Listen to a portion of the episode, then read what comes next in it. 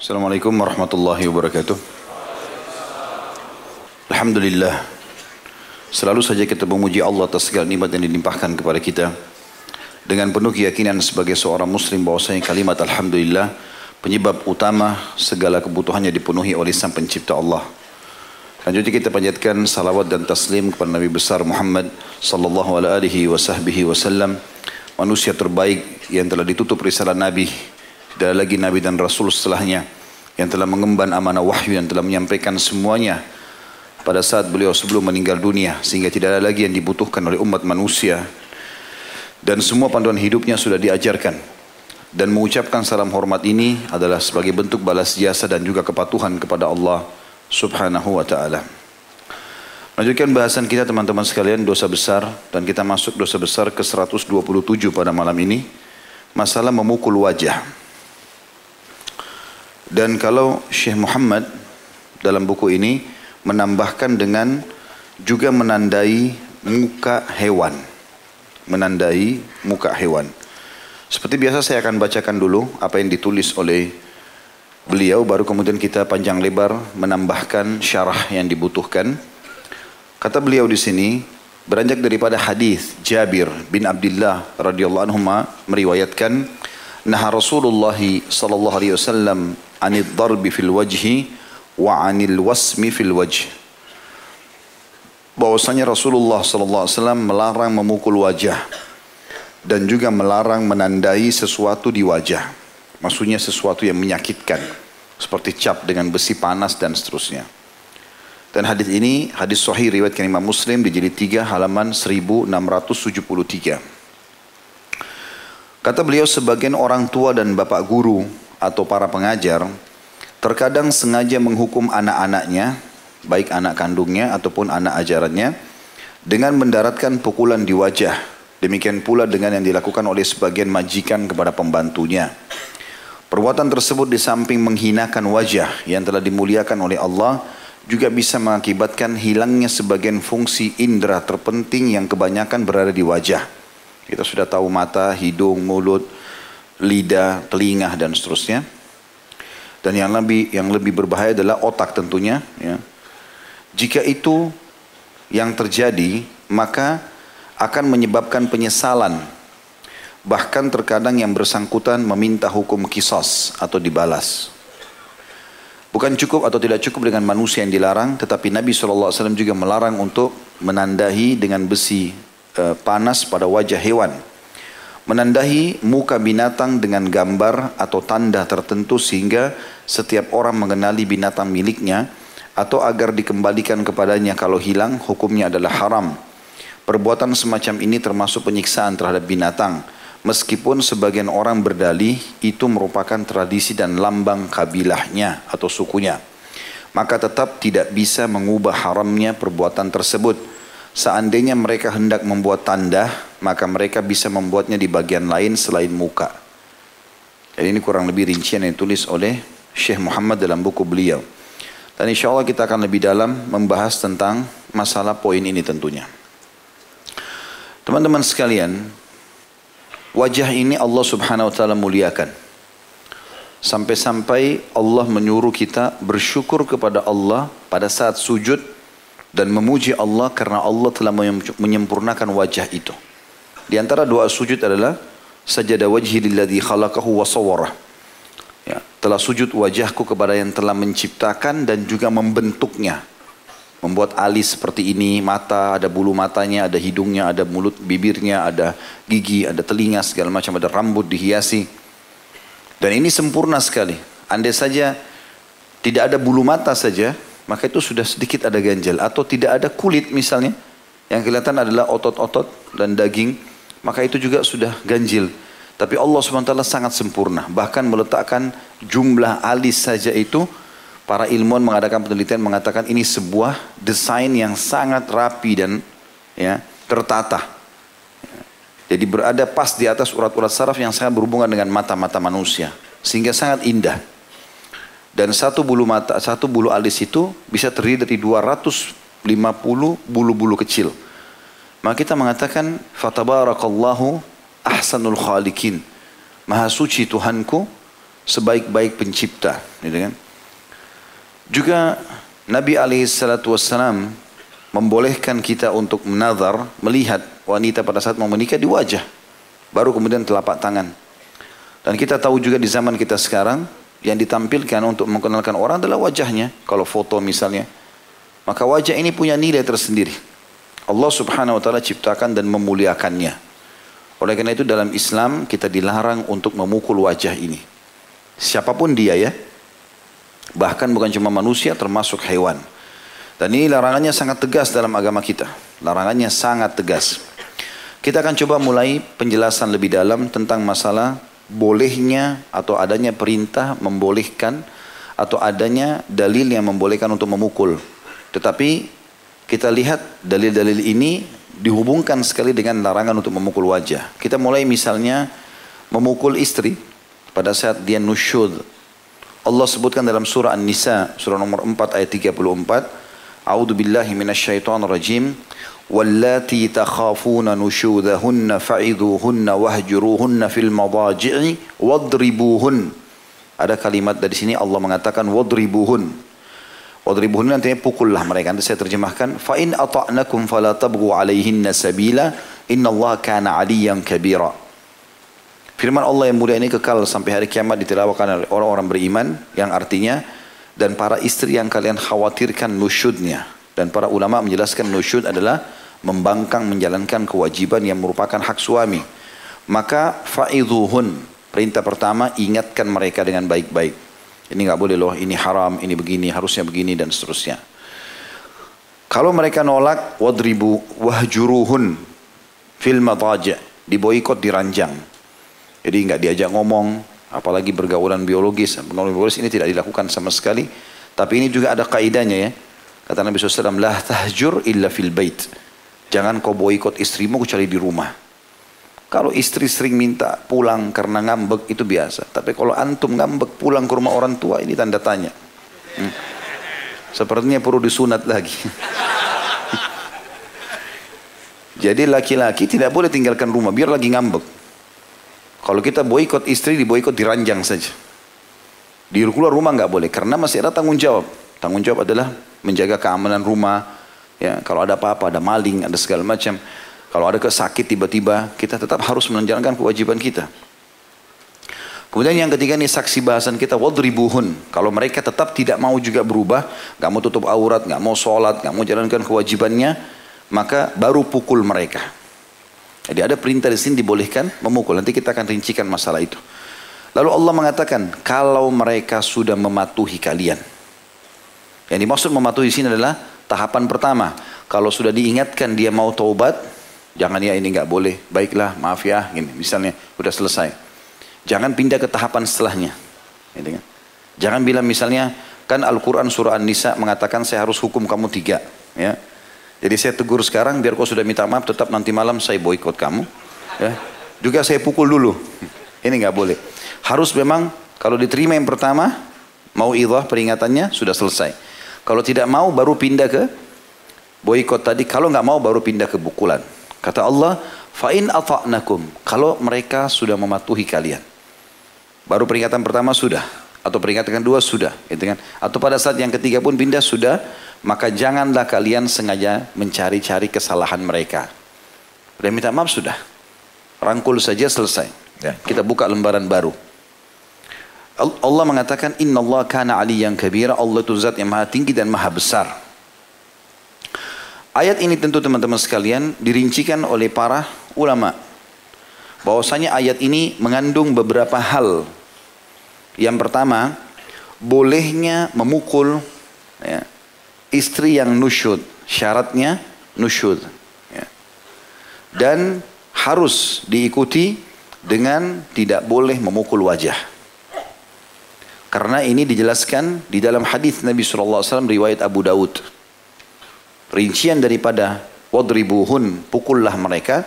Itu Nabi SAW mengatakan wala tadribul wajha wala tukabbih wala tahjur illa fil bait. Jangan pernah kalian memukul wajah. Jangan kalian menjelek-jelekkan. Dan jangan juga kalian memboikot kecuali di rumah. Ya. Berarti di sini ada batasan Pukulan boleh tapi wajah tidak boleh. Walaupun ada perintah dalam Al-Quran untuk memukul. Gitu kan? Kemudian Ibnu Abbas radhiyallahu anhu juga menjelaskan tentang masalah firman Allah Subhanahu wa taala ini. Beliau mengatakan, "Tahjurha fil madaji' engkau memboikot istrimu di ranjang, fa in akbalat kalau dia meninggalkan kesalahannya, dia minta maaf, maafin saya ya, segala macam ya sudah. Wa illa faqad adinallahu laka an tadribaha darban ghairu mubarrah. Kalau dia tidak mau juga patuh, kau masih diizinkan oleh Tuhan untuk memukul istrimu, tapi ingat pukulan yang tidak berbekas. Wala taksir laha azma dan sama sekali kau tidak boleh memukulnya sampai mematahkan tulangnya. Ini perkataan Ibnu Abbas diambil dari tafsir At-Tabari jadi 8 halaman 314. Juga tentunya ada penyampaian Nabi Ali salatu wassalam berhubungan dengan masalah pukulan ini atau merincikan tafsir An-Nisa 34 tadi. Beliau mengatakan tentang hak suami. Walakum alaihinna alla yuti'na uh, farasyakum ahadan takrahuna. Dan kalian punya hak dari para istri untuk mereka tidak memasukkan siapa pun ke dalam rumah kalian ya makna lain menginjak permadani kalian atau memasuki kamar tidur kalian ya. Siapa pun yang kalian tidak sukai. Fa in fa'al fa in fa'alna dzalika fadribuhunna darban ghairu mubarrah. Kalau mereka coba untuk melanggar itu maka boleh kalian memukul tapi ingat darbatun atau darban ghairu mubarrah. Pukulan yang tidak berbekas. Salah satunya adalah tidak menampar wajah. Dan Nabi SAW kasih tadi tidak boleh menjelek-jelek menghina-hina ya. Kemudian yang kedua, yang harus diperhatikan pada saat melakukan pukulan ini adalah tidak boleh memukul dalam keadaan emosi dan melampiaskan marah. Jadi pukulan itu adalah pukulan pendidikan dan tidak boleh dalam keadaan emosi karena Nabi SAW mengatakan dalam hadis Bukhari, "Laisa sur'atu bil bukanlah keperkasaan dan kejantanan, kebijaksanaan diri daripada emosional seseorang, walakin nasratu man malaka nafsu indal ghadab. Tapi kebijaksanaan sebagai pemimpin, sebagai majikan, sebagai suami, sebagai orang tua adalah kalau dia bisa mengontrol emosinya pada saat dia marah. Jadi betul-betul kita memukul itu karena mau mendidik. Tentu beda. Jadi larangan yang pertama atau adab dalam mukul ini adalah tidak boleh memukul wajah, dan juga diikuti dengan tidak boleh berbekas ya. Tapi kalau kita sebenarnya dalilnya sama, masalah memukul wajah, dilarang memukul wajah dan juga tidak berbekas ini sama dalilnya. Tetapi di sebagian buku-buku pendidikan itu dipisahkan poin-poin ini. Maka di sini kita gabungkan saja larangan memukul wajah dan tidak boleh berbekas. Kemudian yang kedua tidak boleh emosional. Karena niat kita memukul mendidik. Orang kalau emosi dia tidak, tidak bisa kontrol lagi pukulannya. Bahkan kadar kekuatannya pun tidak bisa dikontrol. Nah itu nanti akhirnya tidak mendidik. Akan memunculkan rasa dendam, rasa marah. Baik kita memukul ke istri, memukul ke anak. Karena nanti kita juga akan sebutkan selain istri, anak juga ada dalil tentang masalah memukul. Tapi ada adab-adab ini. Begitu juga dengan hewan ya. Saat ada hewan mungkin, maka itu pukulan peringatan dibolehkan. Tetapi tidak boleh sampai melukai ya, menyakiti ya. Juga sabda Nabi SAW kepada seorang anak muda yang datang mengatakan, Ya Rasulullah wasiatkan saya. Maksudnya wasiat ini agar saya bisa bahagia, bisa jalan dengan semua orang. Kalau saya jadi suami bisa baik, kalau saya jadi istri bisa baik, kalau saya jadi orang tua bisa baik, jadi anak bisa baik, semuanya bisa baik. Apa yang anda sarankan? La taghdab. Jangan kau emosi. Baik semua itu nanti. Apalagi ya Rasulullah? La taghdab. Jangan kau emosi. Apalagi ya Rasulullah, la taghdab. Dan dikatakan oleh Aisyah radhiyallahu anha Rasulullah SAW tidak marah kalau berhubungan dengan hak beliau, tapi kalau sudah pelanggaran agama beliau marah. Marah juga ada batasannya, bukan berarti orang tidak bisa marah sama sekali. Depan matanya haknya diambil segala macam, dia punya hak untuk marah. Tapi bukan berarti dalam segala hal. Telatnya istri buat kopi marah dua jam. Hmm. Telatnya suami belikan pesanan marah tiga hari tidak mau tidur, nggak mau segala macam. Banyaknya pahala yang hilang. Dari pahala e, ngobrol, pahala bercengkrama, pahala biologis, pahala banyak pahalanya, gitu kan? yang bisa didapatkan. Sampai Nabi SAW menjadikan antara suami istri itu ngobrol saja. Itu bukan hal yang lagu, bukan hal yang sia-sia. Walaupun semalam suntuk, pahala. Gitu. Ya bagi yang punya istri. Kasihan wajahnya yang tidak punya istri. So.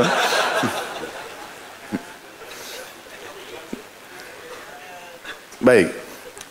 Kemudian selanjutnya, jadi sekali lagi kita kembali poin nomor dua, mukul tapi tidak boleh emosional, karena emosional tidak akan terkontrol. Jadi pukul dengan mendidik.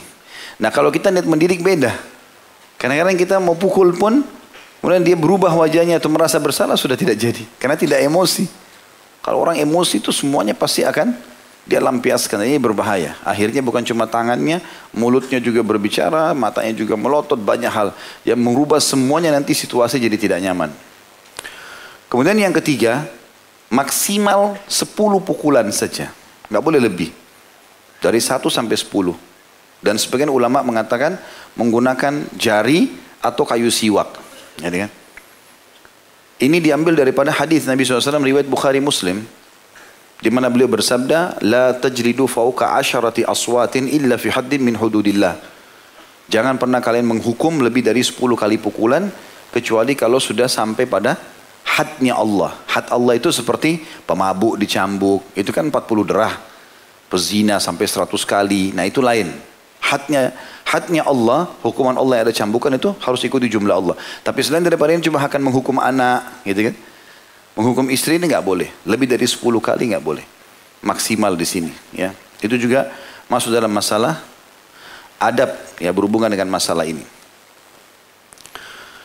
Kemudian juga termasuk dalam masalah adab, masuk yang keempat adalah berhenti ya atau pukulan itu hanya diberikan pada saat terjadi pelanggaran saja yang tidak mau diubah. Jadi harus berhenti setelah itu.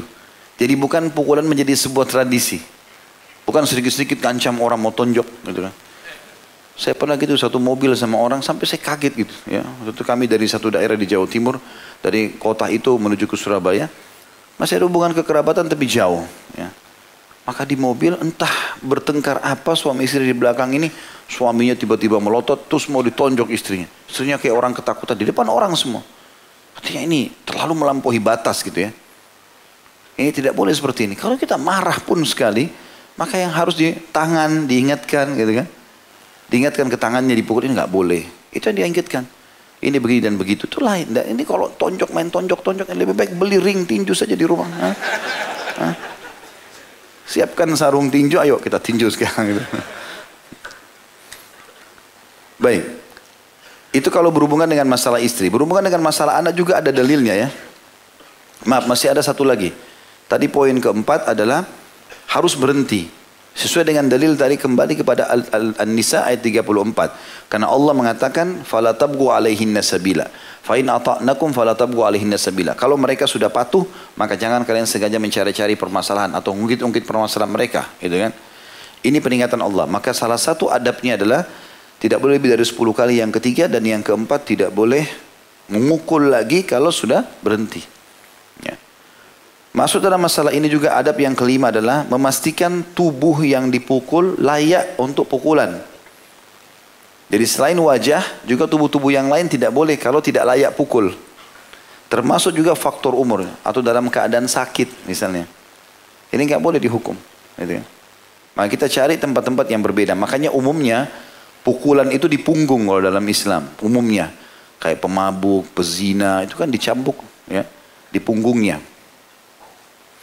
Ini semua teman-teman sekalian beranjak daripada hadis Nabi alaihi salatu wasallam yang masyhur tentang hadis anak ya. Hadis ini riwayat Abu Daud dengan sanad hasan. Kata Nabi SAW, Muru awladakum bis salati wa hum abna'u sab'i sinin, wadribuhum alaiha wa hum abna'u ashri sinin, wa farriku bainahum fil madhaja' Perintahkan anak kalian solat pada saat mereka umur tujuh tahun. Dan pukullah mereka pada saat mereka umur sepuluh tahun. Dan pisahkan mereka di ranjang.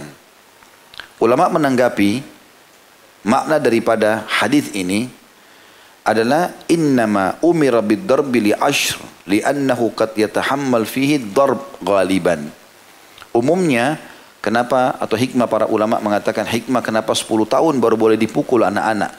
Karena di sini dikatakan suruh mereka sholat di umur tujuh tahun. Berarti selama walaupun tidak sholat jangan dipukul.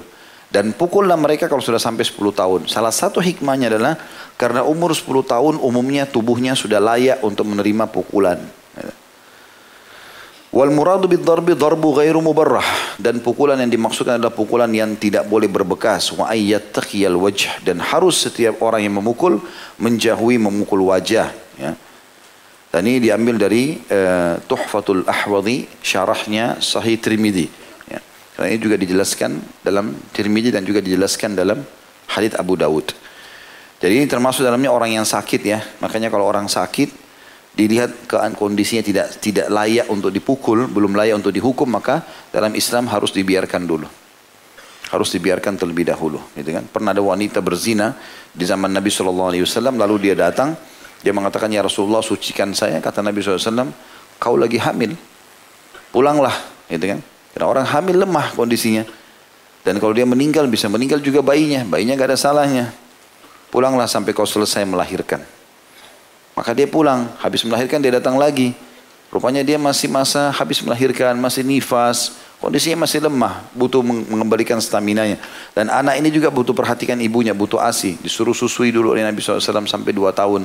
Setelah itu dia masih datang, barulah Nabi SAW suruh untuk dihukum gitu ya. Ini semua masuk dalam masalah layak atau tidak layaknya dipukul. Karena ada orang subhanallah tidak melihat masalah ini. Ya, anaknya masih kecil, dipukul kepalanya, dicubit badannya, segala macam. Kadang-kadang mungkin sampai luka gitu ya. Bagaimana bisa ada orang tua seperti ini? Dalam mendidik anak. Tidak boleh sama sekali. Kita sadar tidak sadar teman-teman sekalian.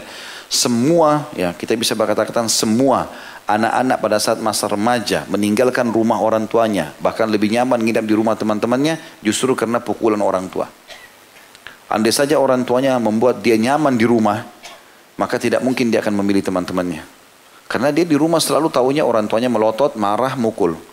Semua yang dilakukan salah. Dia pergi sama teman-temannya, kita tahu anak-anak remaja. Walaupun dia mau minum racun, temannya, oh hebat. Loncat dari gunung, hebat. Semua hebat. Dia betah sama temannya. Di rumah dia disalahin terus gitu kan. Ini bahaya sekali. Ada beberapa orang tua gitu tanya sama saya, Ustaz anak saya remaja susah sekali diatur. Bagaimana ini ini itu? Saya bilang coba muhasabah dulu. Ada sesuatu nggak di rumah itu? Karena anak-anak kalau dari kecil sering pukul, sering pukul, dia kan tidak bisa melawan kalau dia masih kecil ya. Pelampiasannya kalau dia sudah remaja, jengkel, dendam yang tertanam, tertanam. Maka dia tidak mau dengar orang tuanya. Apa saja yang bisa membuat orang tuanya dibantah, dia bantah. Efeknya itu, itu efek daripada pukulan untuk kecil. Makanya Islam menjaga masalah itu. Kalau sudah disuruh mau sudah selesai. Jangan pakai dipukul. Ini dimaksud di sini tidak layak untuk dipukul artinya tempat-tempat yang nanti membuat juga dia dendam dan seterusnya. Kemudian teman-teman sekalian masuk dalam bahasan ini adalah masalah pukulan bagi orang-orang yang melanggar hudud. Ya. Ini juga sama. Hudud pun orang yang melanggar hukum Allah Subhanahu wa taala kayak pemabuk, kayak pezina, tetap tidak boleh dipukul wajahnya. Wajah tetap tidak boleh. Padahal mereka sudah melanggar hukum Allah. Diberdirikan, dicambuk punggungnya. Disebutkan dalam sebuah riwayat bahwasanya melalui sahabat Abu Hurairah radhiyallahu dalam hadis Bukhari atan Nabiya sallallahu alaihi wasallam birajulin qad syariba qala idrubuhu qala Abu Hurairah faminna ad-daribu biyadihi wad-daribu bina'lihi wad-daribu bi thawbihi falamma sarafa faqala qala ba'dul qaum akhzaqallah qala la taqulu hakadha wa la tu'inu alaihi syaitan artinya Pernah didatangkan seorang laki-laki telah mabuk atau minum khamr di zaman Nabi SAW atau di hadapan Nabi SAW. Maka beliau berkata, bersabda, pukullah dia. Di sini Nabi gunakan kalimat pukullah, berarti ada perintah untuk memukul orang yang mabuk. Sebagaimana tadi, bolehnya memukul istri yang nusyud, memukul anak yang sudah 10 tahun tidak sholat ya Pukullah dia, kata Abu Hurairah maka ada di antara kami yang memukulnya dengan tangannya. Ada yang memukulnya dengan sandalnya dan ada yang memukulnya dengan bajunya. Setelah bajunya dibuka, ya dia buka baju banyak kemudian dililit lalu dipukul kepada orang yang mabuk ini. Tak kala selesai memukul orang-orang, sudah dipukul, maka sebagian mereka berkata, semoga Allah menghinakanmu. Maka beliau bersabda, jangan kalian mengucapkan hal seperti itu janganlah membantu syaitan atasnya.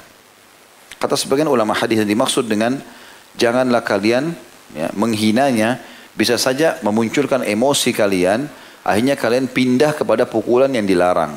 Ya. Karena orang kalau sudah emosi bisa pindah kepada pukulan yang dilarang.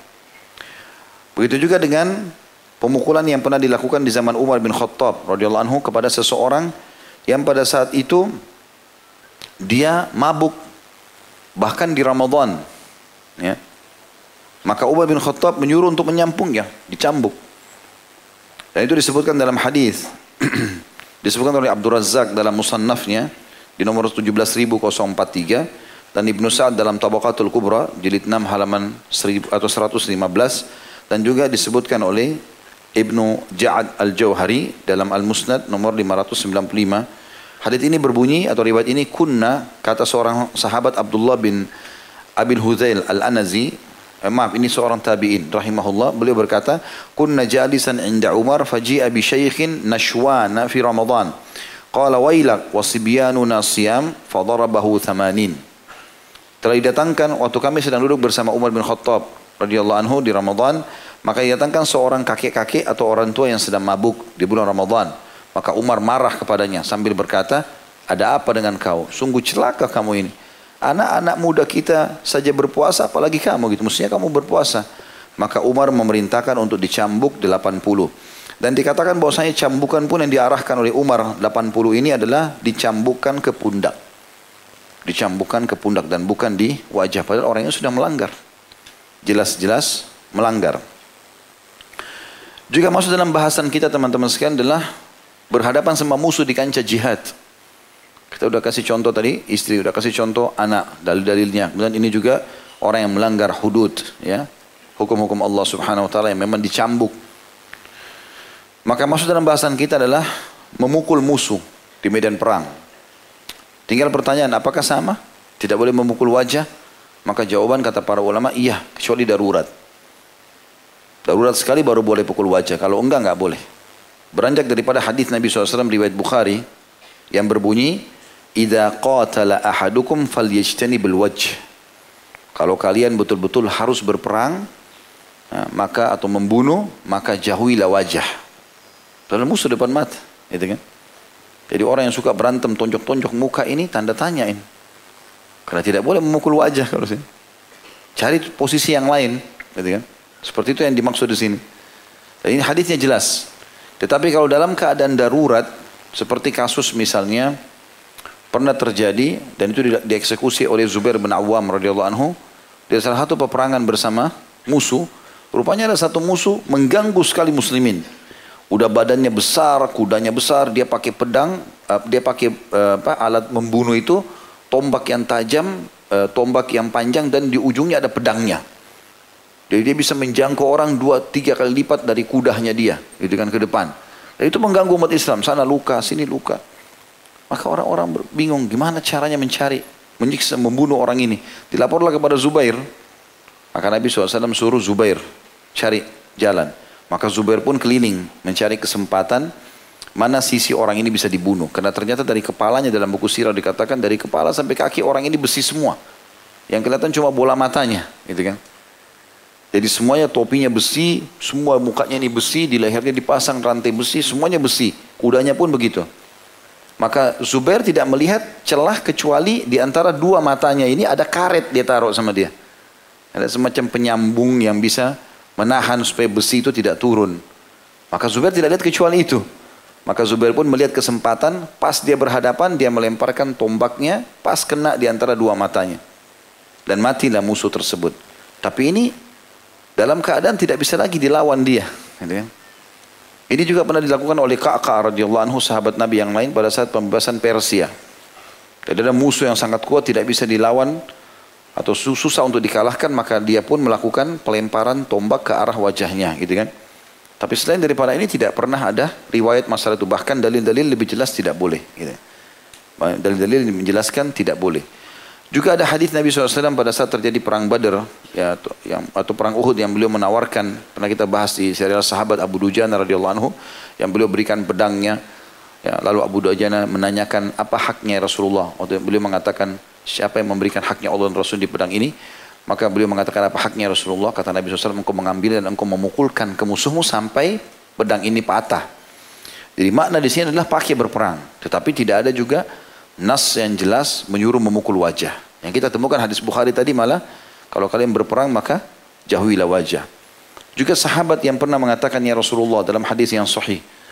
Bagaimana kalau seandainya ada orang yang mau merampas hakku, mengambil hartaku, merampok. Kata Nabi SAW, qatilhu. Perangi dia.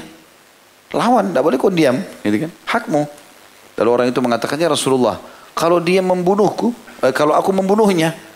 Kata Nabi SAW, kau tidak berdosa. Karena hakmu kau bela. Kalau dia membunuhku ya Rasulullah, kau mati syahid. Ada perintah melawan, tapi tidak ada perintah untuk memukul wajah di sini. Tetap aja itu adalah ciptaan Allah Subhanahu wa taala.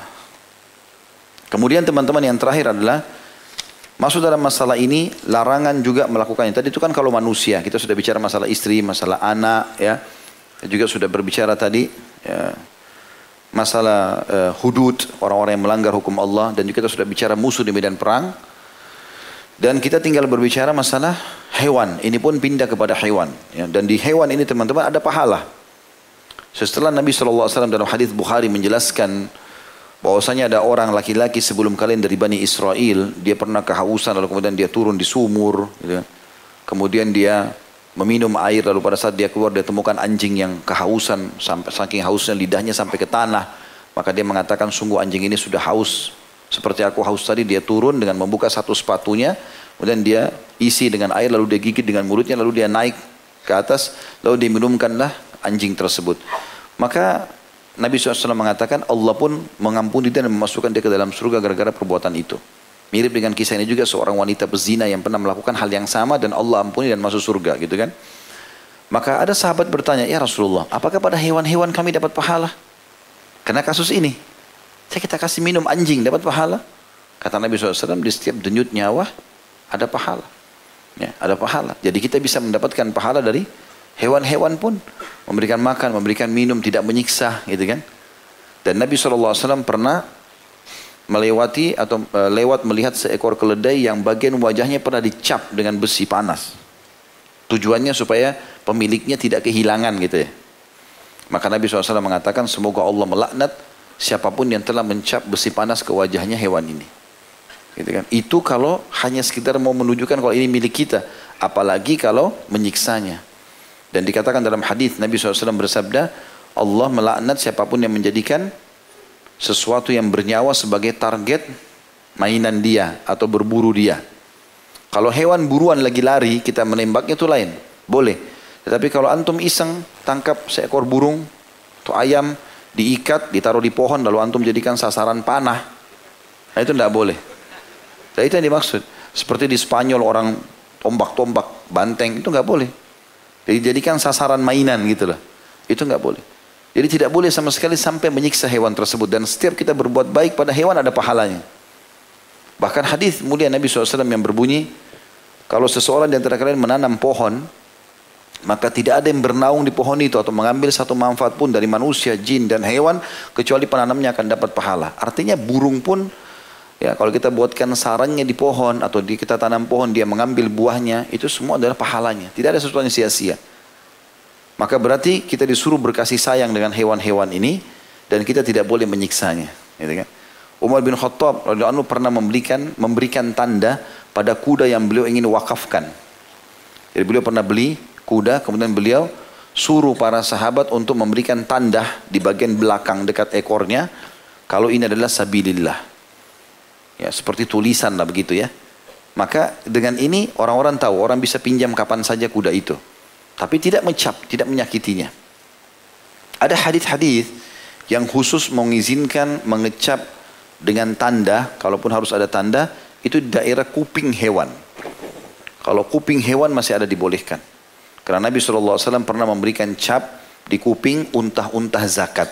Supaya tidak bercampur dengan unta-unta yang lain. Gitu kan. Kalau kita sekarang mungkin sudah bisa ditaruh kain. Kalau ada punya peternakan domba mungkin piloks biasa ya dikasih warna saya pernah lihat beberapa peternakan domba yang memang jumlahnya sampai ribuan dan bersebelah-sebelahan dengan peternakan lain. Maka caranya mereka sepakat tuh para orang-orang yang punya peternakan. Yang ini kasih piloks warna biru, yang sini warna merah, yang ini warna hijau. Jadi mereka bisa saling mengingatkan kalau ini domba kamu, ini domba ini kalau bercampur baur. Sebatas itu. Tapi kalau untuk sampai menyiksa tidak boleh, gitu kan? Dan ini semua adalah masuk dalam hadis Nabi SAW, Man la yarham la. Siapa yang tidak mengasihi tidak akan dikasihi dan juga hadis Nabi SAW, Irhamu man fil ardi, yarhamkum man fis sama. Kasihanilah semua yang ada di bumi, maka Allah yang di langit akan mengasihani kalian. Maka berarti hewan pun harus dengan cara baik. Kemudian hadis Nabi SAW juga riwayat Bukhari teman-teman sekalian. Allah menyuruh kalian berbuat ihsan dalam segala sesuatu. Dia berbuat yang terbaik. Lemah lembut, santun, ramah, segala macam. Buat yang terbaik dalam segala sesuatunya. Oleh karena itu, kalau kalian bunuh, bunuh dengan cara baik. Musuh pun tusuk selesai. Gitu kan? Jangan sudah ditusuk, ini kesempatan kafir tambah lagi. Nah, boleh. Tak boleh emosional. Udah selesai, udah ditusuk mati selesai. Gitu kan? Karena ada orang begitu tuh. Karena jengkel segala macam sampai ikut dibakar segala macam tidak boleh. Di zaman Nabi SAW pernah beliau menemukan ada sarang semut itu dibakar, kebakar, kelihatan tanahnya sampai hitam banyak semutnya mati. Kata Nabi SAW, kenapa dibakar? Itu. Sesungguhnya yang boleh membakar hanyalah yang pemilik api. Allah SWT nggak boleh. Dalam hadis Bukhari pernah ada seorang nabi tidur di bawah pohon, kemudian dia disengat oleh satu semut. Lalu dia suruh pengikutnya bakar semua sarang semut itu. Jibril Allah turunkan alaihissalam lalu mengatakan, bukan yang gigit kau satu ekor semut saja. Apa dosanya semut yang lain? Itu. Tetapi tentu dalam bab hewan ini teman-teman sekalian, kalau ada hewan-hewan yang berbahaya, nyamuk, ya, apalah serangga-serangga, kecoa yang berbahaya dan kita tahu dia berbahaya, maka itu tidak masalah. Kita usir kita, ya usahakan jauhi. Sebagian ulama menganjurkan kalau di zaman sekarang ya, untuk tidak menggunakan alat listrik yang membakar. Ya. Khawatirnya masuk dalam ancaman tadi tidak boleh membakar gitu ya. Tapi kalau semprotan yang langsung mematikan maka itu mungkin jauh lebih baik. Tapi kita kembali ke masalah ini teman-teman sekalian. Kata Nabi SAW tadi dalam hadis kalau kalian bunuh-bunuh dengan cara yang baik. Kalau kalian mau menyembeli, menyembeli dengan cara yang baik. Tajamkan pisau kalian dan tenangkan hewan ternak kalian. Ya. Kemarin baru subhanallah saya praktekin tata cara berkurban yang untuk insya Allah diangkat di medsos. Maka saya tunjukkan bagaimana hewan itu sangat tenang. Kalau kita lus dengan tenang, kemudian ditutup kupingnya, di matanya, dipegang sedikit, diiris lehernya selesai. Gak perlu sesuatu yang menyakitkan gitu ya. Pernah ada sahabat mau menyembeli domba, dibaringkan domba itu, ya, tidak diikat dapat tapi diinjak perutnya sama sahabat itu. Lalu dia asap pisau di atasnya. Sementara domba itu lihat pisaunya. Jadi seperti pembantaian. Ya. Maka kata Nabi SAW, apa kau ingin bunuh dia dua kali? Kan sudah mau disembeli. Ngapain kasih lihat? Kapan kambing itu lihat, hewan itu lihat, dia bisa stres. Dagingnya jadi jadi keras nanti. Ya. Ada pengaruhnya ke situ ya. Makanya sunnah Nabi SAW adab-adabnya adalah tidak boleh memperlihatkan alat pisau itu ya ditenangkan, kalau lagi makan dibiarkan, itu semua adab-adabnya dan semua ada pahalanya. Makanya di semua jenis kehidupan ada pahala. Ya. Kesimpulannya teman-teman sekalian, kalaupun kita harus memukul-mukul dengan cara benar, tapi kalau kita bisa hindari, hindari. Dan saya sudah pernah bilang, kalau hanya sekedar antum diajak bertengkar, diajak ribut, tinggalkan saja. Biarkan dia ribut sama tembok. Ya. Kau pengecut, kau begini. Ya sudah, tidak apa-apa. Biarin aja dia bilang. Kan kita nggak rugi apa-apa. Kalau dia ngomong gitu rambut kita gugur semua, ya. Kita apalah mungkin tidak ada apa biarin dia ngomong gitu kan. Banyak contoh dari salafus saleh Abdullah bin Abbas radhiyallahu pernah dicaci maki macam-macam. Padahal ini ulama besar sahabat. Kau mentang-mentang sepupu Nabi, mentang-mentang begini, kau mengaku begini. Nah, Ibnu Abbas nggak kenal orang ini. Setelah selesai dicaci maki, Abdullah bin Abbas dengar murid-muridnya di belakang sudah panas semua kupingnya nih. Gitu.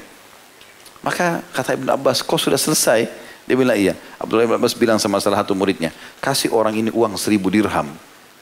Mungkin dia punya hajat. Lalu sampaikan alamat kami, kalau seandainya dia punya perlu, lalu dia bilang, kalau kau ada perlu datanglah ke rumah kami. Sampai orang itu malu. Akhirnya menjadi muridnya Abdullah bin Abbas. Salah satu juga salafus saleh begitu, dicaci maki macam-macam, kau begini, kau begitu, dia diam saja. Setelah selesai dia bilang, apa kau sudah selesai saudaraku? Dia bilang, iya. Sudah selesai, karena dia sudah habis. Orang kan kalau ajak kita bertengkar, kita nggak layani, kan habis kata-kata dia. Biarin aja dia keluarin semua. No kita tinggal transfer pahala saja. Dia tambah lagi cacian, ah, Alhamdulillah. Transfer lagi sholatnya tuh, nah, puasanya. Kan enak, apalagi kalau Allah suruh pilih. Pilih pahalanya. Kalau saya sih hari kiamat, hajinya ya Allah. Sholat lima waktunya kan enak kita tinggal pilih. Hmm. Makin banyak caci maki, makin banyak saya ambil kan enak. Jadi kalau ada orang yang seperti ini, biarin aja. Tidak perlu. Kecuali antum tiba-tiba diserang, mau dipukul. Itu beda. Kembali kepada hadis sahabat tadi. Bagaimana kalau ada orang yang mau ngambil hakku? Ya kita bela diri beda. Karena kalau di saat itu terbuka rukhsah, keringanan. Kapan kita membela diri, kehormatan kita mau diperkosa, mau dipukul, mau diambil haknya, lalu kita membela diri sampai kita membunuhnya, kita tidak berdosa. Kan begitu. Tapi kalau tidak, hanya sekedar cacian tidak boleh. Ingat hadis Nabi SAW, kalau dua orang bertengkar, maka salah satu yang memulai pertengkaran akan dilaknat. Turun hukuman Allah SWT pada dia. Dan yang satu terus saja mendapatkan rahmat Allah. Sampai dia ikut melawan. Ikut bertengkar gitu. Ya. Jadi subhanallah orang mukmin selalu begitu dan kita temukan orang yang banyak bicara, tunjukkan keberanian segala macam depan orang. Ini kalau sudah di kancah peperangan terlihat berani atau tidak gitu. Maka Allah alam ini pelajaran insya Allah malam ini semoga bisa diambil manfaat insya Allah. Baik itu saja. Subhanakallahumma bihamdika. Asyhadu an la ilaha illa anta astaghfiruka wa atubu ilaik. Wassalamualaikum warahmatullahi wabarakatuh.